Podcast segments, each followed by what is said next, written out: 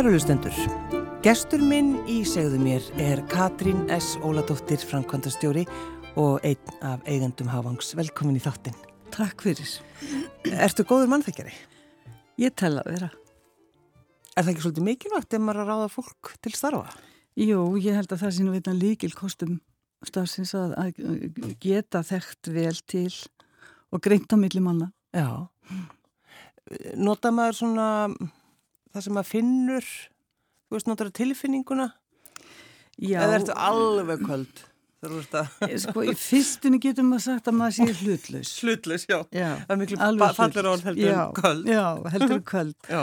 En síðan auðvitað er svo maður sem kemur til þegar þú fer að taka viðtölu við fólk og ég tal, tala nú ekki um eins og bara allir eru frambærilegir í dag að þá mátt alltaf passa upp á það að, að allir hljóti sömu meðferð í viðtölum, þú hefur fagleg og stöðlu viðtöl kakvart öllum og ég tala ekki um eins og til dæmis þegar starfir auglýst að þá auðvitað býrðu þið til ákveði plan og hvernig verkplanið er varandi ráninguna eða ferlið og þú fylgir því en svo auðvitað koma inn í einhverja breytur eftir því sem lengra líður á valferlið. Já. En, en það er aldrei svo að þú farir að láta þínar eigin skoðanir hafa yfirtökin. En sko, er það, sko, er það ekkit erfitt? Jú, það er auðvitað mjög erfitt að, að hérna, en þetta er bara einn hlutur sem bara krefst þess að þú ætlar að sinna svona starfi vel, að það verður að geta horta á það frá þessu sjónarhúli. En svo auðvitað, þegar þú ert komin á loka uh, sprettin, getur við sagt, mm. þá ert þú sem ráðgjafi auðvitað fyrirtækinu til ráða og heila og þá þarftu auðvitað að draga fram alla kosti og kannski það sem upp á vandar til þess að fyrirtæki geti tekið upplýst ákvörðu. Já, hvað hefur oft séð eftir, Katrín, að hafa mælt með fólki? Þetta er svo erfið spurning. Ég held sem betur, betur fer, get ég sagt að það sé ekki mörg tilfelli. Nei. En, en vissulega hafa komið upp tilfelli þar sem maður hafiði einhvern svona efa eða, eða einhverja tilfinningu í, í, í þessu öllu saman og svo kom það veist, bara á daginn að ég hefði betur hlusta kannski á þessa tilfinningu. Já. Og það er ekki bara við sem störum í ráningun sem fáum þessa tilfinningu held ég. Ég held að það gerir það allir sem eru að ráða. Já, já. En hvenar byrjaður í þessu, Katrín? Ég byrjaði í þessu þegar ég reymi til Hávangs 1. apríl 83 og hef bara starfað allar götu síðan við þetta starf. Og hefur, hefur gert, verið að gera þetta sama sagt, með ráningar? Með ráningar. Ég, er, ég tel mig vera sérfræðing í ráningum Já. og búin að fá náttúrulega mjög mikla reynslu þar og einfallega vegna þess að, að bæði hefa, hafa fyrirtækin, störfin, atvinnulífi hefur breyst og þetta er alltaf breytilega þarfi sem við erum að gera og við þurfum sífælt að mæta þeim. Uh -huh. Við þurfum alveg endalust að vera að búa til ný nýja í raunni aðferðafræði þó við sem ekki að búa hana frá grunni því að þetta kemur þetta frá ymsum áttum en við tilengum okkur alltaf besta sem við teljum að sé í bóði varðandi ráningar. Já, en þegar, þegar þú hugsa bara um þennan tíma, 30 já, já. ár, já. Förum aðeins bara... Það er rosalú tími. Það er rosalú tími. Hvernig, þú veist, var, veist, var ekki bara verið að ráða vini og eitthvað, eða hvað? Nei, ekki þegar ég kem til Hafans, þá upplýði ég alls ekki þannig, en það var allt miklu einfaldara. Störfin voru miklu einfaldari og um, fólki skrifaði hérna, við vorum náttúrulega fljóta búið til umsóknarblad, það var til þegar ég kem í Hafang. Já, umsóknarblad? Já, það var fyrsta sendilega umsóknarblaði sem var gert svona af, af alvöru og, og mörg fyrirtæki tóku það svo til fyrirmyndar og við glætumst bara alltaf við það þegar við sáum það. Já. En, en þá fyllt, hann skrifaði fólki bara umsóknuna sínar og einstakasinnum þá voru sumið bót og stoppustöð og sendu, sendu bara nokkra línur til okkar og, og, og við þurftum svo bara að meta það hvort að vera ástæð til að kalla á þennan í viðtalið ekki. Já. Að... Hefur skrifað á, á lærið á sér, þú veist, þannig að alltaf þess vegna, og, þess vegna, sko. Ég spurði einu sinni einnaði, hvar varstu þú skrifaðir, skrifaðir umsóknina þínu? Æ, ég var þarna á leið nýju eitthvað. og þetta var ljómandi maður Já. alveg ljómandi Og, og hvað fekk hann vinnuna? Já, hann Já? var ráðinn, já og svo fylgdist ég nú ekki meira með honum en, en svona var þetta og síðan þróaðist þetta til dæmis, breytist að við tókum og útbjökum sérstaklega ráðningakerfi og þá fór fólk að, að hérna, setna meira að fylla bara inn í það kerfi, sko. Og svo framvegist, þannig að það voru alls konar svona þróanir og þá breytist þetta að þú gæst ekki verið að skoða einhverju umsók frá Siggu, eða Gunnu, Jóni sem að handskrifuðu með mísifnum árangri náttúrulega þannig að þú þurftir að fara að kalla meira á þetta fólk til þess að fá að, að skoða það betur Já. og þannig að, að ráningarnar hafa alltaf orði kannski flóknar og umfangsmeiri eftir því sem að uh, framliðu stundir. Er þetta skemmtilegasta sem þú hefur gert? Dásamlegasta starf. Það er ekki starf held ég sem er til sem myndi toppa það. Eða ég hef ekki ímyndað mér að það. Og þ- ennþá, þú ert, bara, þú ert ennþá á þessum Já, stað. Algjörlega, Já. algjörlega. Ertu sérst mjög jákvæð manneskja eða? Já, það er, hugsa ég nú að flestu myndi segja. En, en þetta er bara svo gaman og þú veist að hitta allt þetta fólk sem hefur ótrúlega sögu að segja manni Mm. og búið að gera ímislegt og, og allir hafa eitthvað. Þú veist, eh, sumir eru náttúrulega kannski frambarilegir en aðrir einhverju hluta vegna, bæði vegna reynslu og, Mhm. og jafnvel mentunar en, en það er alveg sama við hvernig maður talar. Það hef, hafa allir eitthvað, Já. eitthvað gott og spennandi. Já, já. En, en Katrín, þegar að, að þú fylgist með öllu, allir þessari þróun, öllu þessum breytingum, við langar svo aðeins að tala við um bara, við ekki tala aðeins um konur, Endilega. Það er, náttúrulega ekkert skemmtilega en að tala um konur, bara þessi 30 ár, Já, þú náttúrulega hefur, hefur fylst aldeilis með. Já, breytingarnar hafa verið alveg ótrúlegar og eins og ég sagði við þegar við vorum aðeins að spjalla hérna frammi, eh, þú veist bara breytingar í atvinnulífinu sjálfu Mhm. hafa verið svo miklar og uh, konur eru þarna auðvitað að stíga fast inn, á, inn í atvinnulífið nú ekki um eftir, eftir fundi 1975 nýra á, á torki þú veist að það, það varð einhver svona bylting inn að gæsalappa og uh, það voru líka að koma inn fleiri tækifæri og, allt í einu svona varð vinnumarkaður en hann varð miklu sko þráskaður og, breyt, og það breytist í kjölfari.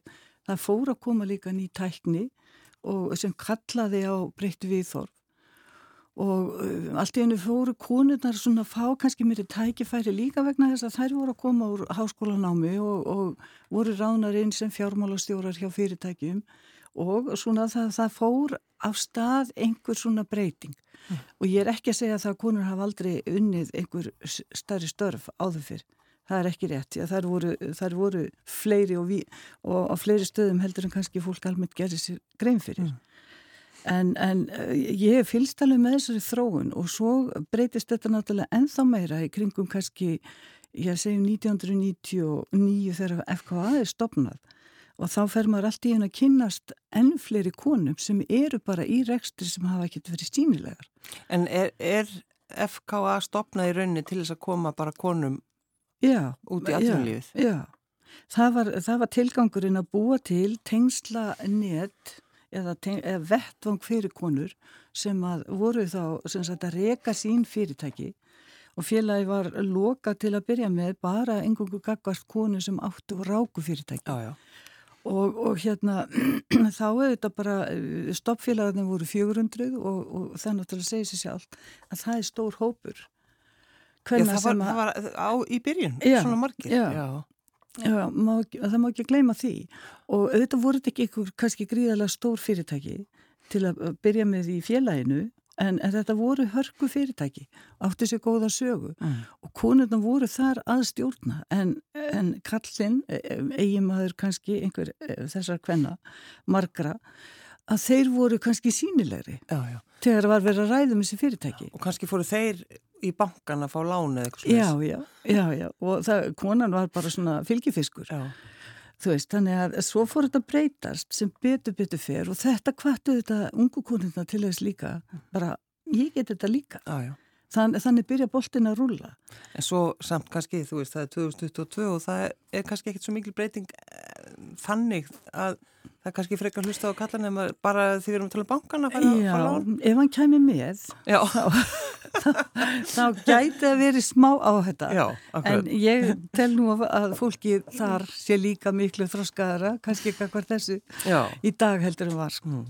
þannig að allt hefur þetta verið bara jákaða breytingar og, og bara ég segi konur hafa bara steimplað sig gríðarlega vel inn á bara sem flestum svið Þú ferðaðist þarna inn í þetta þegar FKA er stopnað Já, já, ég hérna byrja að starfa með félaginu e, bara frá fyrsta degi og fer þá inn í svona nefndir hjá félaginu og svo er ég kosin í stjórn og, og verð svo formaður og þannig að það má segja ég sé í stjórn í fjögur ár.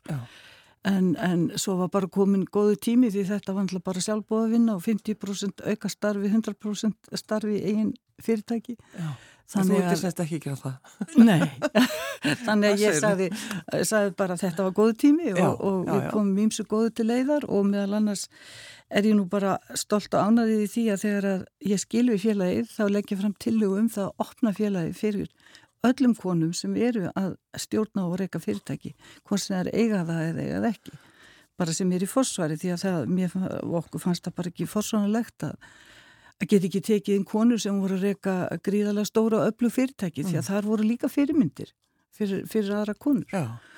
og þetta mætti þetta eh, frumvarp ekkert sérstökum mótökum til að byrja með en, en með hörgutals konum þá bara gekk þetta og, og ég sé ekki eftir því og þetta er bara gríðalega held ég góð þörf og ábending fyrir bara samfélagið, þú veist, að það er betra að vera saman í hóp eldur en hver og einn að berjast hér og þar já, já. um aðteklina. Að því að við tölum um, um eitt tengslanett, mm -hmm. maður mar bara eftir því þegar að, að félagið var stopnað, þá mm -hmm. fóru einmitt konur að tala um þetta, því að áður var alltaf að tala um sko tengslanett kalla. Já, já. Og ég sagði við, við hérna frammi að, að þú veist, þegar ég fór á fyrsta viðskiptaþingið að þá taldi ég bara kollana í salnum og við vorum 20. 20 konur? Já, 20 konur og, og svo hætti ég að telja þegar ég sá alltaf þess að dásamlegu kallmenn að, að hérna það voru þeir svo yfirgnæfandi mikil meiri hluti Já. en svo með hverja árunni sem hefur liðið að þá sé ég alltaf fjölgum hvenna sem er bara eðlilegt og, og nú eru þær bara orðnar jafn ábyrgandi eins og, og kattmenn. Já, þannig að þú, ert ekkit lengur, þú sest á, á, á þetta þing, þá erst ekkit endilega að telja, þá bara sér það. Nei, alls ekki, það, og þetta er bara heilbrygt. Já. Og þetta er eins og í dag, þá eh, segja einstakka góði vini mínir sem eru kallmenn þeir segja stundum hefur Kata þú bara farin að ráða bara ekki nema konur. En, en það er bara vegna þess að, að þú veist tækifærin hafa breyst og, og þú veist umhverfið er aðruvísi og það er líka bara frábært frambóð af konum sem eru að sækjum störf og gefa kost á sér. Þannig að þetta er bara allt annað umhverfi. En sko Katrín mm. þú veist valda mikil Nei, nei, ég er bara eins og hver annar stafsmæður sem bara gerir bara það besta sem ég get. Já, en ef við, sko maður, kannski, fólk kannski veit það þetta ekki, en, en þú hefur komið þetta ráningu aðstu stjórnenda á Ísland, þannig að það, þú hefur náttúrulega, hefur eitthvað. Já, ég hef aldrei lítið á, á mista sem eitthvað vald, nei. aldrei, aldrei nokkuð tíman. Það sem að eh, við gerum sem að störum sér ágjafar, við erum að gefa ráð og við erum bara að gera okkar besta í, það, að, í því að finna lausnina fyrir viðskiptafinnin sem að kemur honum best. Já. Þú veist, ég má aldrei falla í þá grefju að ég vilji koma einhverjum sérstaklega framfari umfram einhvern annan. Þá væri ég ekki í starf. Nei, nei. Það er bara einfalt. En þegar þú skoðar auglýsingarnar, sko, auglýsingarnar frá Hávangi, það er, er það ekki þar, þið auglýsið Já, já, við auglísum fyrir viðskiptafinnin og við segjum nú gætnan að við auglísum kannski 25% af þeim störfum sem við erum beðunum að leysa. Þannig að það er lítið sem fer í auglísingar hjá okkur. Já. Og við búum svo vel að, að við eigum stert tegslanett og bæði hjá umsækjandum og fyrirtækjum og við erum að leiða þetta fólk saman. Þegar þú til dæmis kæmi til mín og segir getur þú séð eitthvað starf fyrir mig, bara hafðu mig bakveirað eða eitthvað, þú veist svo kemur einn starf og þá hugsa ég, byrju, þetta getur verið gott fyrir mm. sigurlegu mm.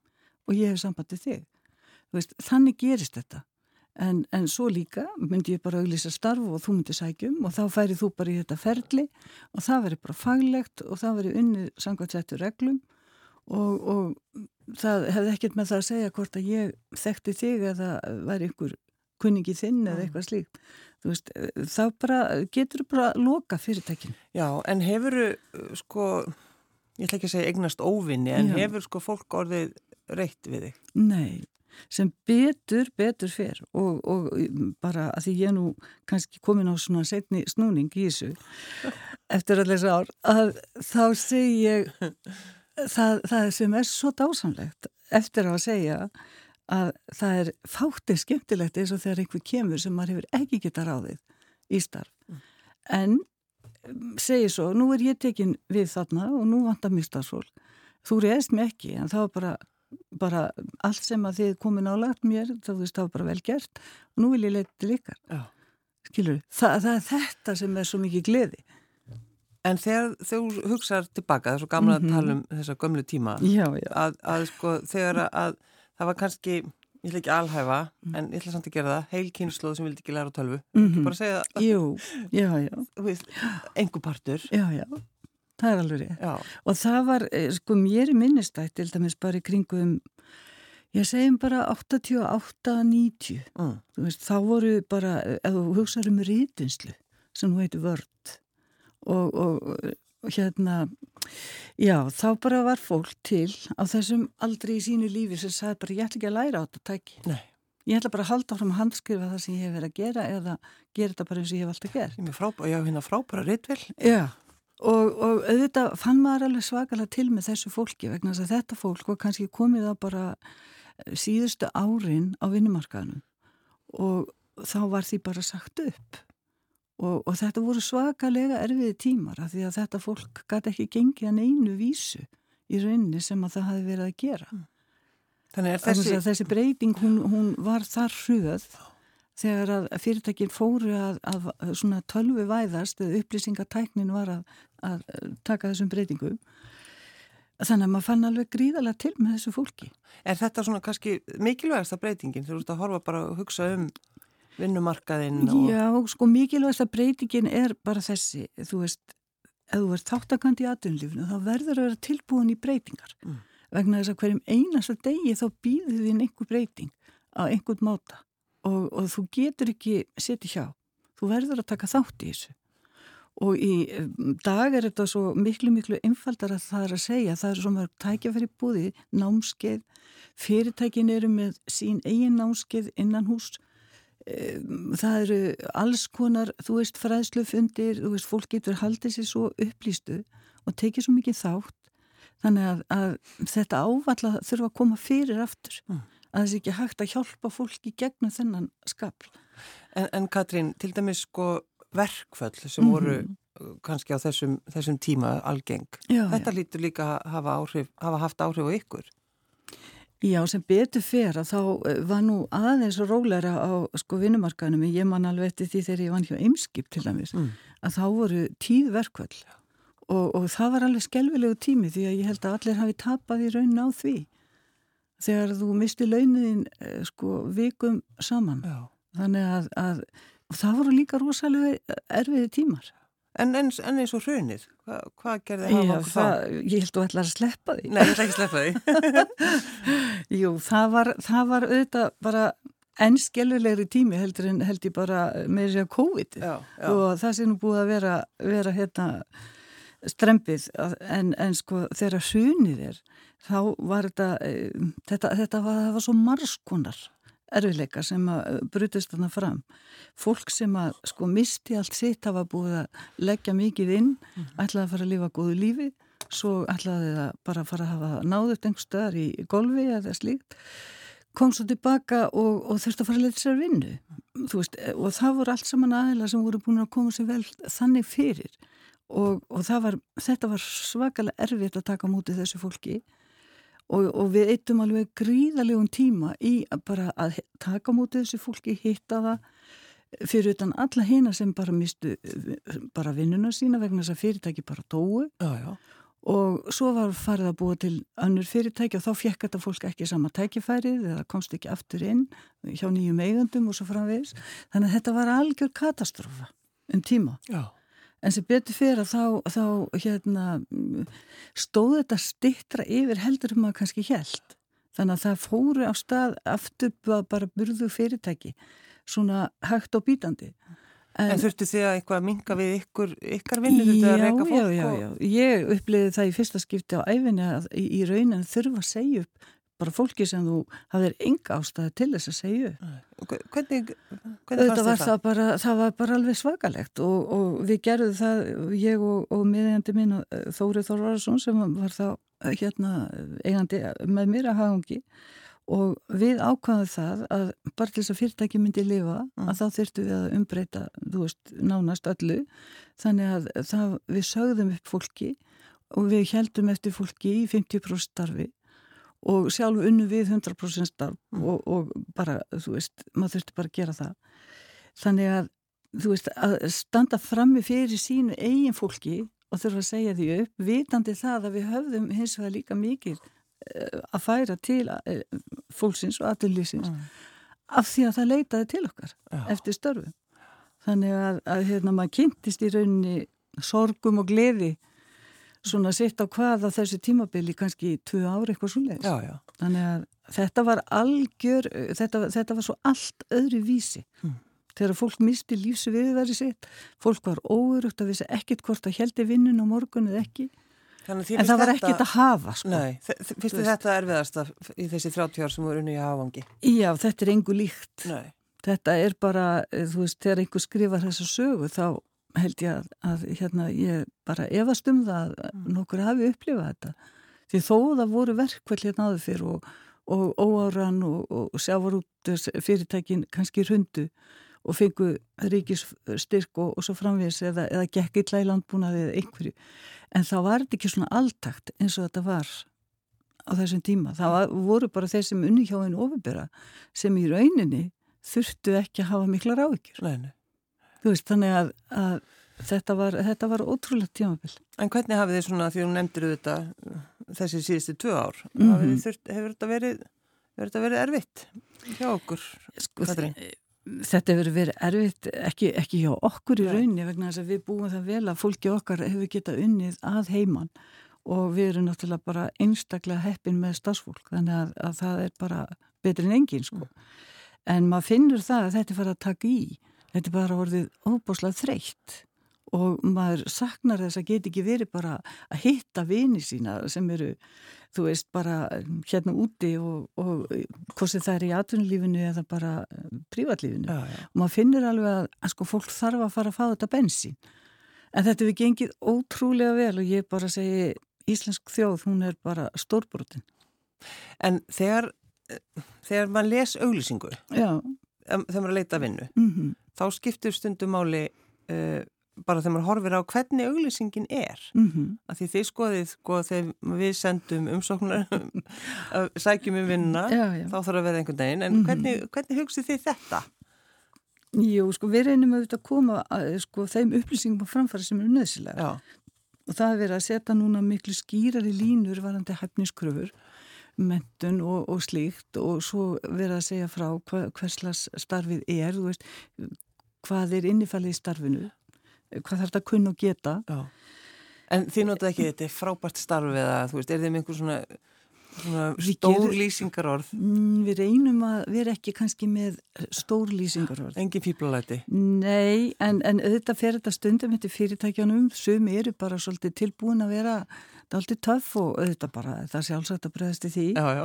en svona við getum sagt að við hefum verið svolítið hefbundin og mér sýnist allir hafa farið eftir því þannig að hafa okkur svo gamalt fyrirtæki já. að við erum ofta búið til eitthvað nýtt og þá kemur eitthvað allt og uh, eftir veist, þannig að það er bara gaman að því en, en við bara reynum að vera fagleg og gæta þess að mismuna ekki einum en einum í auglýsingunni Já Þannig að, að það er svo okkar að vinna úr því þegar að, að við sjáum umsóknunar. En ert þú sjálf sko að því þú ert uh, framkvæmtastjóri, mm -hmm. uh, ert þú að fara á svona í vettvangsferðin eins og að kalla þú veist, að fara að skoða fyrirtæki að því þú ert auglýsa já, og ætla að ráða, er, ert þú alveg þar? Ég er alveg þar líka, já, já, já, já og, og auðvitað ekki eins mikið eins og ég var, ég veit ekki um það. Mm. og, og, en ég auðvitað reyni alltaf bara til þess að missa ekki tengslinn að, að vera í því og líka bara stiða mitt fólk. Að, að vera þá þáttakandi í ráningum að, en, en auðvitað skiptu við þessu bara á ráðgjafa eins og bara best er Þannig að mm. fólk, mm. þið, þið komið inn í fyrirtæki Já, já Og taliði við fólk, skoðiði, hva, hvað gerir þið? Við gerum það og sko, kannski vandamálu Íslandi er það, uh, þú veist, uh, fyrirtækin gefa sér ofta ekki þennan tíma, þú veist það er allir á haus. Mm. og, og maður segir kannski stundum að þú hefur ekki komið lengi inn í fyrirtækið, þú veist það væri ekki sniðut bara kem ég heimsók til þín og fengi bara hans að sjá og svo veist þessar breytingar eitthvað. Og, og þá er það þannig að, að ofta er bara ekki tími. Nei, nei. Við erum alltaf að flýta okkur. Við erum alltaf að flýta okkur.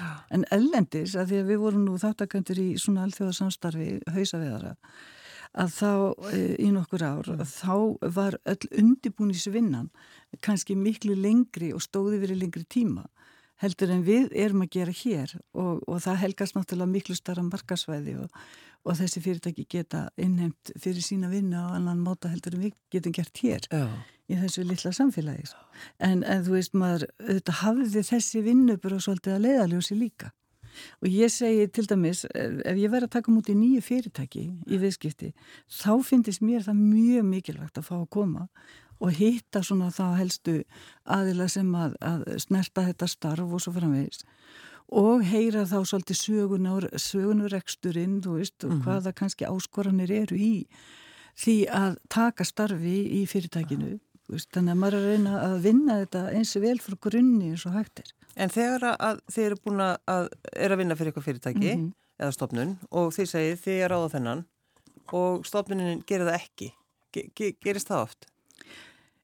Það kemur alveg fyrir og, og við verðum það sjálfsögðu því að það er ekki við sem hefum að, að ráða sko viðkomandi heldur er það fyrirtæki sem er að ráða sér já, starfsmannin. Og svo þegar þú frettir einhverju þá getur þú sagt ég, sagði þeim það. nei, nei og yfirleitt, yfirleitt að bara tekst þetta vel og, og, og fyrirtæki þykja þessa ráðgjöf okkar. Já. Af því að við erum bara allans dægin að ráða fólki í starf. En þú ert kannski eins og ári að ráða til þín einstakling já, eða starfsmann og, og þá finnst þið bara gott að hafa svona við hliðin á því ráðgjafa sem er kannski vanur því að vera að, að hugsa og hlusta og, og spekulera og draga fram. Við spyrjum spurninga sem kannski fyrirtækið myndi ekki spyrja. Og, og hérna sem okkur finnst bara þörf En er, já, er þetta þá spurningar bara út, út af ykkar reynslu? Þið vitið kannski svona Já, þú, þú, þú veist, þú hlustar já. og einhver svarar einhverju og þá viltu fá að spurja hans dýbra út í það. Mm bara til þess að draga fram hvort að þetta sé bara lært svar eða ekki. Já, þannig að þú þarfst að vera mjög mikill mannþekkjar eins og maður tala um. Þú verður að vera það, ekki? Já, og þú verður líka að hafa bara óbáslega gaman af fólki. Já. Þú veist, þú mátt ekki sko setja þig í einhverja stellingar og svo kom allir og þegar þeir eru allir að vera eins. Skilur svara eins og eitthvað svona, það er ekkert gaman því. Nei, það er náttúrulega bara hundleðilegt. Já. Já. En, en sko Hefur þú einhvern tíma sótt um vinnu? Já, Katrín? ég, fyrsta starfum mitt sem ég sótt um og bara gaman að segja frá því, það var hjá Eimskip og það er merkilegt eh, samtal. Ég stóði í dyrunum, uh, sá sem var stafsmannastjóri þá, eh, eldri maður, augulegur og hann horfið svona hérna, stóð aldrei langt í burtu og svo horfið hann á mig smá stund og segir svo, ég ætla bara að ráða þig. Já og þú byrja bara hérna 20. eitthvað mæ Þannig að þú þurfti ekki að sannfara en eitt nei, að segja neitt? Nei, ég sagði bara góðan daginn, ég heiti þetta Já. og ég er komin að segja vinnu hérna því mér er bent á starf hérna. Já. og svo segir hann eh, sko nokkrum vikum eða mánum eftir ég byrjaði, mann ekki hvað leiði langu tími. Og ég sagði, má ég spyrja yður? Að það þér maður viðkomandi. Og ég segi við, við hann, má ég spyrja yður hversuna var ég ráðin? Bara því ég, ég vissi það aldrei akkur ég var áðin sko. Og þá sagði hann, já fylgir þér svolítið gott. Mér sá það strax. Það er þetta sem ég er að tala um sko, þessar tilfinningar. og, og hérna ég er ofta hugsun á stundum. Ef ég sæti, þú veist, inn í hjá mér svo kæmi einhver og ég segi, já það fylgir eitthvað gott, já, ég ætla bara ég ætla bara að ráða þig einhvern svona aðristar stjórnanda. En er þetta eina starfið sem þú sóttum með það? Nei, svo sótti ég um áðurinn ég fór til Havangs og þá, þá sótti ég um starf hjá Málingu og þá var viðtalið þannig að fórstjónus satt á móti mér já. og svo satt skrifstofstjórun á bakvið mig, mm. þannig ég sá hann aldrei. Nei. þannig að ég hugsaði um mér ef ég ætti að taka fólki viðtal myndi ég aldrei gera þetta svona. Nei. En þetta var skemmtilt viðtal, En þann, þannig eftir veginn fann að pæla í já, þessum hlutum já, alveg. Já, alveg, Já, mjög skemmtilegt. Hvað ætlar að vera lengi í þessu starfi? Það er góð spurning. Ég er náttúrulega farin að hugsa bara já, hven er rétti tíminn Mm. til þess? Þetta er ekki rétt að byrja, þetta er bara 30 ár. Sko, ef ég hugsa um hvað starfið er skemmtilegt og hvað fyrirtækið er dásamlegt og fólki sem vinnur þar er einstakt, þá get ég alveg verið svona 10-20 ári upp. Nú, það er nóg En framöndan þau fá alveg áfallið að heyra þetta núna. En svo varstu náttúrulega að, að Katrín taka við þakkar viðkenningu 2022, félagvenna í Einmitt. Voru það ekki bara góð skilum? Erðu góð skilabóð þakkar viðkenningu og, og varstu glöð með þetta? Já, auðvitað var ég bara þakklátt þegar að, þegar að þessu komi. Mér fannst þetta samt, eins og ég sagði við þar þegar það ringdi í mig og sagði mér þetta, þetta væri bara óþarfi. Já, En, en auðvitað bara indislegt og, og gaman að því að það skulle vera tekið eftir hvað maður er að gera. já Það er bara fínt. Er það ekki akkurat þetta þakkar viðkenning? Það er bara þær eru Já, að fylgjast, búin að fylgjast með þér Jú, væntanlega og, og bara auðvitað hef ég haft eh, vonandi eitthvað að segja um það að vera fyrirmynd hvenna í aðunlífin að þóra vegna þess að, að það er ekkit sjálfgefið að, að taka af skarið og fara að reyka í fyrirtæki. Nei, En, en hérna svo hef bara, hefur uh, verið gaman að fylgjast með því hvað konur hafa einhvern veginn svona nota kannski stundum tækifærið og ringt og sagt mér vantar ráð, getur aðeins kannski gefið mér smá ráð og, og þú veist, auðvitað maður bara glöð gert það. Og þetta er kannski, þú veist, eitt liðurinn í því að þakka fyrir, já þú veist, að lókum. Ertu Mm. ennþá í félaginu? Sko, hagvangur sem, fyr, sem fyrirtæki er skráð ennþá í, í, í félagið og það er nú bara vegna þess að það eru frábær rungar konur sem að vinna hjá fyrirtækinu Mm. Og, og hérna, en ég starfa nánast ekkert og hef ekki gert uh, bara, þar get ekki þakka mig fyrir neyn vel unnu störf síðust árin. Nei, bara engan blómund Nei, Nei, en að en ég hugsa bara lítil félagsins, Já. það er bara, segir sér sjálft. En þegar þú horfir á þitt eigi tengslanet Já. er þetta eitt af þessum bara er þetta eitt af þeim flottari?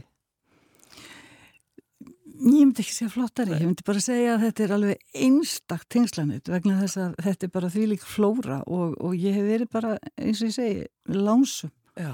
Að kynnast öllu þessu fólki og það heldur bara býstna mikið tryggðið mig ennþá. Sem ég kynntist fyrir, ég veit ekki, 30 ára síðan, líkuði. Þú hafa þetta- kvarnast auðvitað úr þeim hópi. Já, finnst þetta að vera sko einhver tilviljun að þú farið og byrjað í þessu starfi á, í Havangi og, og, og þú ert þar sem þú ert í dag? Kannski ekki vegna þess að ég hef nú uh, svona frekar verið talin félagsvera þó ég hef ekki endilega svo stötti því að vera í einhverju sviðsljósi. Það er, það er langur vegu frá. En mér er alltaf fyttist nöðsin og gaman að vera innan um fólk, fjöldafólks Já.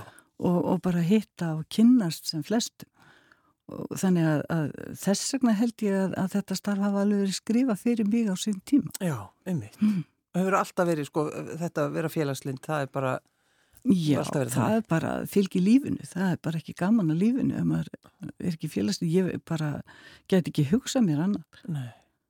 það finnst mér, Mætur þó ég skilji vel aðra sem hafa ekkert gaman að félagsli Nei. og vilja bara fá Bara fá- verið friði fá að vera og í mér finnst það friði. bara allt í lagi. En sko, er það þannig að, að, að þegar þú mætir í vinnuna, bara ertu alltaf kátt? Já, sko þegar ég vakna núna á mótnana þá segir ég stundum að því að bara það er dimmt og, og, og drungalegt stundum og, og þú veist, þá er ég svona lengi í gang með það sem ég var fyrir tíu árum. En svo þegar ég kona staði þá bara gerist eitthvað einhverju töfrar. Það er bara þannig. Ég vildi óska þess að, að allir fengi að upplifa þetta. Katrín S. Óla dóttir framkvæmtastjóri og einn af eigundum Havangs. Takk fyrir að koma. mín er ánægn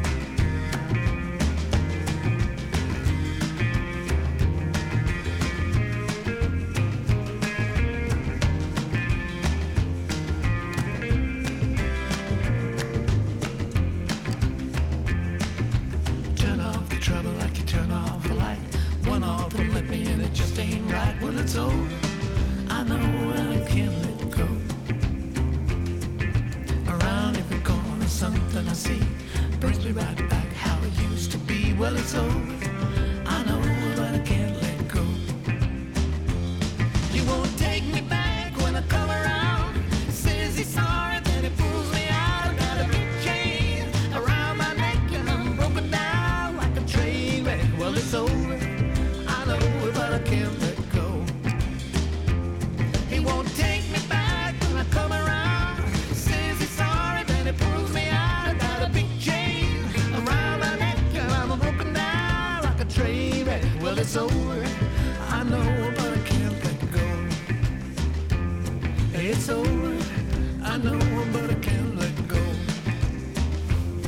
It's over.